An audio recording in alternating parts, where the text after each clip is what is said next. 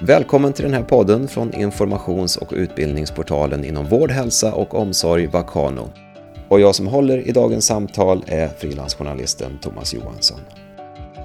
Idag handlar det om sömn, ett område som de flesta av oss kan relatera till, så tillvida att det är ganska, ett ganska svårt område att styra och kontrollera precis som vi vill.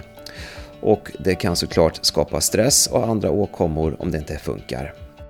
Torbjörn Åkerstedt är professor i psykologi vid institutionen för klinisk neurovetenskap vid Karolinska institutet och har ägnat sig åt sömnforskning i ungefär 40 år. Men inte nog med det, du är även gäst i dagens program. Välkommen hit! Tack för det! Hur viktigt är sömn för vårt välbefinnande? Ja, sömnen är ju förutsättning för att hjärnan ska fungera. Det innebär att utan sömn så kommer hjärnan inte att fungera och resten av kroppen kommer att bli sjuk. Men nu talar jag om total sömnbrist och det är ju dramatiskt. Eh, det finns ju alla möjliga varianter på sömnbrist. Men det sömnen gör i grunden det är ju att eh, städa ur hjärnan efter alla slaggprodukter som har bildats när vi använder hjärnan. Så fort vi gör minsta lilla sak med hjärnan, inklusive bara håller minnet igång, så kostar det energi och det kostar också eh, slaggprodukter. De måste städas ut och man måste fylla på ny energi. Det förefaller vara huvudsyftet med sömnen. Eh, det finns flera syften men de här två är rimligen de två viktigaste. Men eh, forskare har lite olika uppfattningar om vad som kan vara det absolut viktigaste. Det finns ju också minnesfunktion så att eh, när man sover så kommer man att föra över sömn, eller minne ifrån korttidslagring till långtidslagring och banka fast det här ordentligt. Samtidigt som man städar ut alla onödiga minnen som man råkar få med sig under dagen. Annars skulle hjärnan bli fullständigt fullsatt. Det är som man gör en liten omstart på datorn till exempel när man jobbat hårt. Ja, eh, plus att man raderar all smörja som man inte vill ha där längre. På kort sikt då, vad är det som händer om vi sover för lite? Ja, alltså det mest akuta det är ju att man blir sömnig. Det låter banalt, men eh, det är så att hjärnan, när den inte får sova, så går den ner i varv. Ämnesomsättningen, alltså hastigheten på processen av hjärnan sänks. Och det här eh, eh, gör att hjärnan försöker sätta igång sömnen. Den gör små försök. Det kan kännas som sömnighet då. Eh, och den fortsätter att försöka ända tills den lyckas få ägaren av hjärnan att somna. Då. Och eh, det är väl det här då som, som händer just vid eh, om man eh, somnar vid ratten helt enkelt. Absolut, oh ja. Och det är det som händer också när man blir trögare i huvudet. Alltså det är inte bara insomnande utan det är så att alla processer i hjärnan går långsammare. Minnet påverkas. Sover man inte ordentligt som jag sa tidigare så kommer man att få ett sämre minne därför att överföringen sköts inte korrekt. Då. Och det påverkar också stämningsläget eftersom Eh, varvar man ner hjärnan så blir den lite ledsen och tråkig. Eh, och det innebär att man naturligtvis bjuder in eh, negativa tankar och annat. Mm. Vad händer på lång sikt om man sover för dåligt? Ja, på lång sikt så påverkas rätt mycket av den vanliga hälsan. Eh, det som är allra som tydligast kan man väl säga är egentligen det som händer vid utbrändhet. Eller utmattningssyndrom som det heter formellt. Eh, det verkar vara direkt kopplat till långvarig eh, stressexponering naturligtvis. Men det verkar som problemen debuterar inte på allvar förrän man slutar sova som många säger. Och de som eh, vi har registrerat sömn på utav utbrända visar ju på en väldigt eh, störd, fragmenterad sömn, uppbruten sömn. Och eh, frånvaro av den djupa sammanhållande sömnen det är en aspekt. Sen är det ju så att sömn är en del av utveckling vid depression. Det verkar vara så att för det mesta så föregås depressionen utav störd sömn, för lite sömn. Och det är så att sömnen är en viktig del utav depression, alltså frånvaron av sömn är en viktig del. Och det är till och med så att man kan behandla deprimerade med kognitiv beteendeterapi för sömnstörningar. Och på det sättet få en eh, mycket bra effekt på depressionen faktiskt bättre än om man behandlar depressionen med kognitiv beteendeterapi för depression. Så att det är rätt dramatiska förändringar. Sen har vi också effekter på eh, hjärt-kärlsjukdom och diabetes på lång sikt. Eh, man ska inte överdriva effekterna här men eh, det är faktiskt kanske en dubblering av risken som det är fråga om. Mm. Vi ska strax komma in på vad, vad, man kan göra för att skapa bra förutsättningar för det här. Men eh, en, en väldigt allmän fråga. Hur mycket behöver man sova? Ja, det är så att eh, man bör kanske inte svara på det. Men jag får ju alltid den frågan. Eh, det är så att en genomsnittsperson eh, vid god hälsa i 35-årsåldern eh, ska väl kunna klara sig på ungefär sju timmar utan att eh, det blir någon effekt, negativ effekt på dagtidsfunktionen. Eh, men sen är det ju så att eh, äldre behöver kanske en timme mindre. Och yngre behöver en till en och en halv timme mer. Så att eh, folk i 20-30 års ålder behöver säkert sova 8-8,5 timme. Och den gruppen får ju sällan sova så länge. Där finns det ju mycket stress och barn och allt möjligt. Eh, vilket innebär att den tröttaste gruppen i samhället är 20-30-åringar om man ser till de vuxna. Medan den piggaste gruppen är 60-åringar för de får den sömn de behöver. Eh, så att det skiljer alltså mellan ja, 8,5 till 6 timmar beroende på ålder. Men sen har man ju en ärftlig börda med sig också. Vissa är helt enkelt effektiva sovare som pressar in mycket återhämtning per tidsenhet. Eh, och eh, andra är lite mer, vad ska vi kalla det för, ineffektiva sovare som sover lite längre. Det är inget större fel på det heller, men eh, det tar lite mer tid att få ihop den rätta sömnen. Mm. Det talas om djupsömn och så vidare, vissa delar som är viktigare än andra. Hur ser vår biologiska dygnsrytm ut? Ja, alltså dygnsrytmen är ju egentligen en annan sak. Den styrs av den biologiska klockan. Då. Och den sitter ju i undre främre undre delen av hypotalamus. Och vad den gör det är att driva det fysiologiska systemet upp mot hög aktivering dagtid och ner mot avslappning och sömn nattetid. Eh, och sömnen i sig är ju rytmisk eftersom eh, den eh, varierar från ytlig sömn ner till djup sömn och sen går man upp och drömmer. Sen börjar man om igen. Ytlig och sen djupare sömn och sen går man upp och drömmer. Ungefär 90 minuters cykler. Eh, det varierar förstås beroende på vilken individ man är och så. Ehm, men ehm, sömnen kommer alltså placeras in utan den biologiska klockan där klockan tycker att den borde vara. Det vill säga när man har tryckt ner ämnesomsättningen i hjärnan tillräckligt mycket. Eh, och om man avlägsnar sömnen från just den positionen som idag ligger kanske mellan 23 och 07 eller något sånt. Eh, om man avlägsnar sömnen från den positionen så får man ju någon slags straff. Därför att det kommer att sova sämre om man lägger den dagtid och man skjuter den mot dagtid. Den kommer att, så, det kommer att sova sämre om man lägger den mot dagtid tidigare på, på kvällen till exempel. Eh, då är det framförallt insomning som blir problematisk på morgonsidan så är det så att man vaknar för tidigt. Då. Men när man väl lägger sig så, så att säga, vart har man kvalitetstimmarna och eh, går de att kompensera efteråt? Alltså kvalitetstimmarna ligger ju inte vid en speciell tid på dygnet eh, om man inte tar med det faktum att förutsättningarna för att sova ordentligt är bäst när dygnsrytmen är i botten, det vill säga runt 3, 4, 5 på morgonen. Eh, men eh, det är bara så att förutsättningarna för att sova är bra då. Men annars är det så att det är första halvan av sömnen, eller man kan säga första timmen av sömnen, den är väldigt effektiv. Andra timmen är något mindre men ändå hyfsat effektiv. Och trean också, det är där vi har det mesta av djupsömnen. Men efter fyra timmar så brukar de flesta inte ha någon djupsömn längre. Och då har eh, effektiviteten i sovandet minskat. Den är inte försvunnen men eh, det är rätt mycket skräpsömn kvar.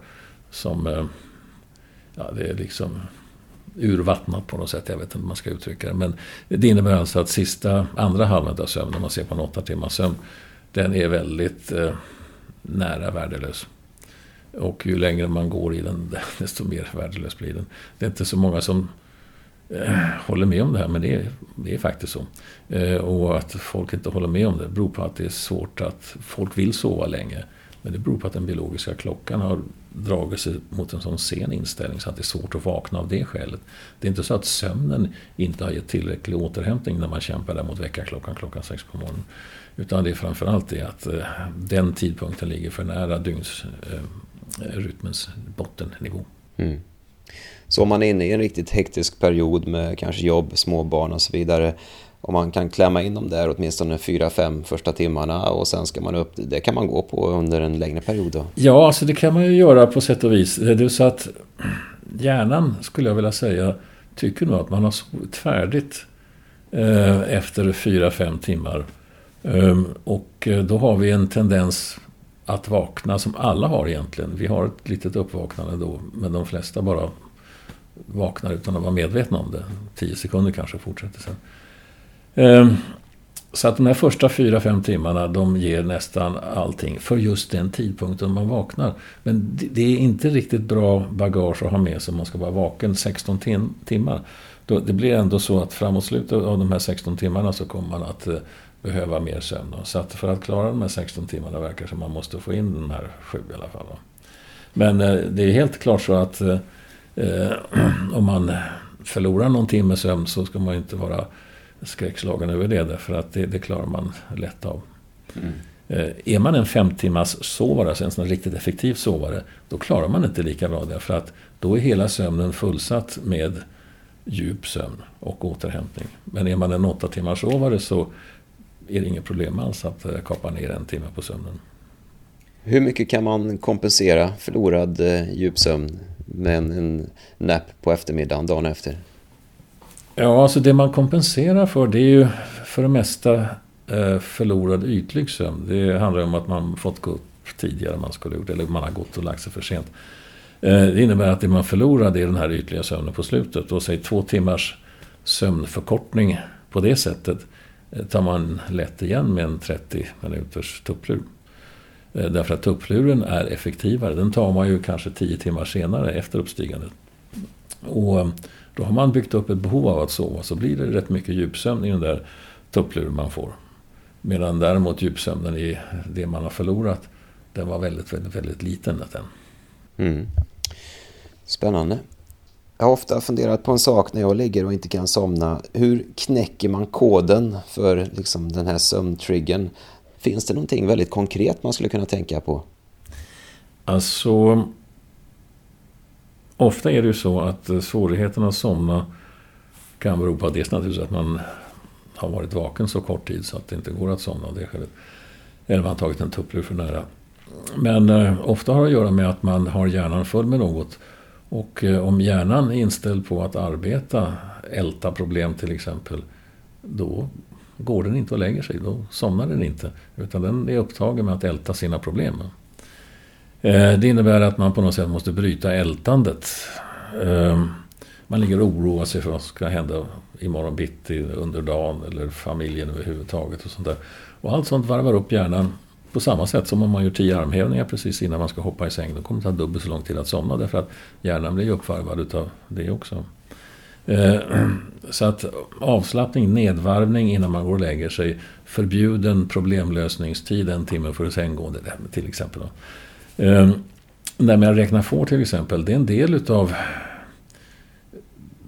mekanismen för att få eh, hjärnan att varva ner. Att räkna får är tråkigt och man, tanken är att man ska somna utav tråkigheten. Då. Eh, det finns många sätt att införa monotoni i insomnande. Att vagga är väl lite likt det. Va? Det finns också eh, ljudanläggningar som ger eh, monotona ljud som verkar funka faktiskt i viss utsträckning. Eh, ljudanläggningar med vågor glada barnskratt någonstans i bakgrunden och fåglar som kvittrar. Och, allt det här gör att man fokuserar mer på att somna och man blockerar de här tankarna. Därför att rätt mycket handlar alltså om att se till att stoppa in någonting annat istället för de otrevliga tankarna. Då duger fåret rätt bra. Och det behöver inte vara många får, det räcker med ett får. Bara man stoppar in någonting annat istället för de tankar som vill tränga sig på. Mm. Läsa bok, är det bra? Tända och läsa bok? Alltså, läsa bok, det är lite tveeggat. Är det en väldigt intressant bok kan det bli lite problem. Men å andra sidan så när man läser en bok så blir man trött i ögonen. Och eh, då får man eh, nästan automatiskt en inbjudan till att somna. Eh, det är så att är boken för bra och upphetsande så kan det vara en dålig idé. Och framförallt om den skapar oro eller någonting annat så är det olämpligt att läsa den. Men en snäll bok, lagom tråkig bok är nog ingen dum idé. Bra, vi ska inte gå in på en författare här, det är någon som kan bli sårad kanske. Vad kan du säga kring sömnmedel och bruket av sömnmedel? Är det någonting du vill höja en varningsflagg för eller tvärtom? Alltså är det så att man sover väldigt dåligt så fungerar ju sömnmedel ganska bra för de flesta. Inte för alla, folk är olika i reaktionen på sömnmedel. Ehm, det man rekommenderar när det gäller störd sömn det är ju eh, kognitiv beteendeterapi för insomni. Och ehm, ehm, problemet med det är väl bara att dels finns det ganska få terapeuter och eh, det tar ju ett antal veckor innan man har gått igenom behandlingen. Då. Så att är det akut sömnproblem så eh, kan det vara läge att ta sömnmedel om det är så att man inte kan somna på annat sätt. Därför att sömnen gör ju så mycket för oss i hälsohänseende så att det är dumt att inte ta den möjligheten. Problemet är att om man upprepar det här eh, natt efter natt så blir man ju mer och mer beroende. Det finns ju olika typer av substanser. Eh, det är ju framförallt de som har en normal eh, sömn, alltså fem, fem timmars eh, verkningstid till exempel. Eh, där finns en risk för att eh, det ackumulerar, att man måste höja dosen och sånt där. Och de lång, långsiktiga effekterna utav tätt bruk av sömnmedel är nog lite negativa. Det är en större risk med, med sjukdom och annat.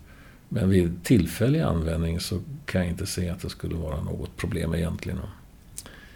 Eh, en risk för äldre till exempel är att med sömnmedel så blir man nedsövd förstås. Det innebär att det är stor risk att man eh, ramlar när man går ur sängen. Man är lite extra groggy då. Och att man lätt skadar sig. Det är ett eh, rätt utbrett problem för äldre som tar sömnmedel. Man blir mm. vinglig. Mm. Avslutningsvis, eh, drömmar skulle man kunna ägna ett helt program åt naturligtvis. Men eh, väldigt eh, generellt, vilken betydelse har drömmar. Ibland blir man lite orolig när man vaknar och, och funderar på vad man har drömt. Vilken koppling ser man mellan drömmeri och riktiga händelser, verkliga tankar? Alltså det här är ju, alltså drömtydning som du är inne på, det är ett område som har varit borta från forskningen i 40 år eller 30 år eller något sånt. Man sysslade rätt mycket med det på början på 60-talet tror jag. Eh, men eh, det, man blev inte klokare. Eh, och det här med att tala om vad drömmar betyder, alltså det är nog mer en, en, en sällskapslek eller någonting annat. Det som är intressant är ju drömsömnen i sig, alltså att vi har fyra till fem stycken drömmar per natt som upptar en viss del av sömnen. Och tidigare, säg för tio upp, upp, upp till tio år sedan, eh, fram till dess var uppfattningen att man inte att drömmar, det var, alltså drömsömnen var någonting som var meningslöst. Såg ut att vara. Det är klart alla förstod att det måste ha någon syfte eftersom man har den. Så är ju utvecklingen konstruerad. Eh, men det var ingen som kunde säga vilket syfte eh, drömmandet hade.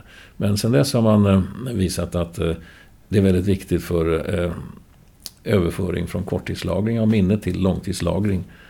Eh, och eh, utan drömmandet så är det risk att man får väldiga problem med eh, att behålla det man har lärt sig.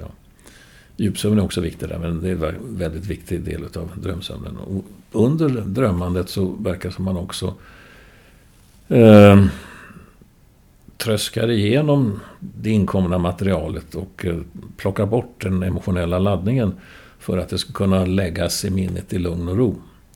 Eh, det som kännetecknar eh, patienter med posttraumatisk stress som har mycket mardrömmar. Det är bland annat det att det verkar som det inte går, eller är väldigt svårt att koppla bort den här överföringen. Den här utstädningen utav den emotionella komponenten. Och det gör att den kommer tillbaka natt efter natt efter natt och gör att eh, de som lider av det här har väldigt svårt att sova överhuvudtaget därför att de är oroliga för sina drömmar och allt sånt här. Så att den biologiska processen eh, för drömmandet eh, har setts över och numera tycker man att drömmandet är riktigt intressant. Det finns nya studier som visar också att drömmandet har en återställande effekt på den emotionella balansen. Så att saknar man drömsömn så kommer man att vara mer lättretad, neurotisk på morgonen. Det här är ny forskning som eh, behöver verifieras lite mer tror jag. Men eh, ändå så är det så att eh, det här är väldigt intressanta uppslag som väldigt många ger sig på att försöka forska kring just nu för att se vad det är för någonting. Så det verkar som att drömmeri har en, en tydlig funktion men deras, drömmarnas innehåll verkar inte ha någon koppling till verkligheten enligt vad forskningen kan visa. Yes, det har en koppling till verkligheten i den meningen att det som man drömmer om är ofta saker som eh, ligger en nära emotionellt eller i tiden möjligen. Eh, många har ju väldigt starka drömmar från sin barndom, eh, tidig arbetstid och sånt där. Eh, som dyker upp. Och det verkar vara så att själva drömsömnsprocessen, det vi kallar för REM-sömn, det handlar om att eh, som sagt att föra över från korttids till långtidslagring. Och i det här arbetet, det är så jag tolkar det i alla fall, så eh, kommer man i kontakt med massor med eh, eh, neuronnystan i hjärnan där olika minnesfunktioner sitter. Alltså där de, eh, minnen sitter ju inte på en plats direkt för det mesta utan det, det är liksom kopplingar mellan neuron. Och eh, man kommer åt de här neuronnystarna och eh, skaka loss bilder. Och då är det naturligtvis bilder som ligger en nära på något sätt. Så att de bilder som eh, skakar loss är ju sånt som betyder något. Men att det skulle ha någon tolkbar betydelse annat än att det här är någon beskrivning av någonting som betyder någonting för mig. Det är tveksamt. Att det skulle ha en terapeutisk betydelse är också ytterst tveksamt. Det är ingen som har visat det i alla fall. Men däremot kan det vara så att, eh, att sitta och prata om sina drömmar kan ju vara ett sätt också att eh, kanske avbörda sig problem. Därför att drömmarna är ju rätt ofta negativa. Och det är ju, de har ju ett innehåll som där man nästan aldrig i princip lyckas med det man gör. Vilket kanske har att göra med att man också är helt förlamad under drömsömnen. Eh, för att annars skulle man agera ut allting. Alltså varje dröm, en riktig dröm, det är alltså hela programmet för att utföra handlingarna finns i hjärnan, är på väg ut, man springer, man slåss och all, vad man gör. Eh, men det stoppas precis innan det går ut i systemet och ska eh, eh, effektueras. Då. Och det innebär att det är kanske en tolkning men att man lyckas aldrig med någonting därför man kan inte springa. Man kan inte göra det man vill. Och en del som har lite problem med just den här förlamningseffekten kan känna den kanske några tiondelar efter det att man har vaknat ur drömsömnen. Därför den är lite slö att stänga av sig. Och då, då känns det som att man inte kan röra armar eller ben och det är väldigt dramatiskt. Men det är egentligen ingenting problematiskt alls. Det, det är bara så att eh, avstängningsmekanismen är lite för slö. Mm. Spännande. Det låter som att vi får återkomma i det här området i och med att det händer mycket på, inom forskningen också menar du? Mm. Mm.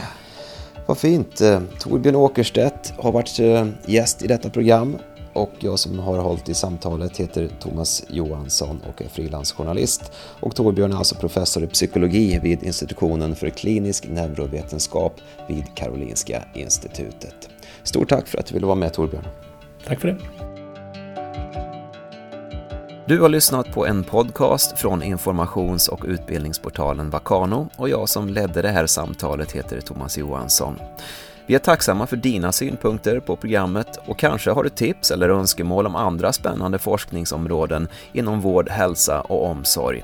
Kontaktuppgifter hittar du på vakano.se och där hittar du också andra intressanta poddar och artiklar. Välkommen dit!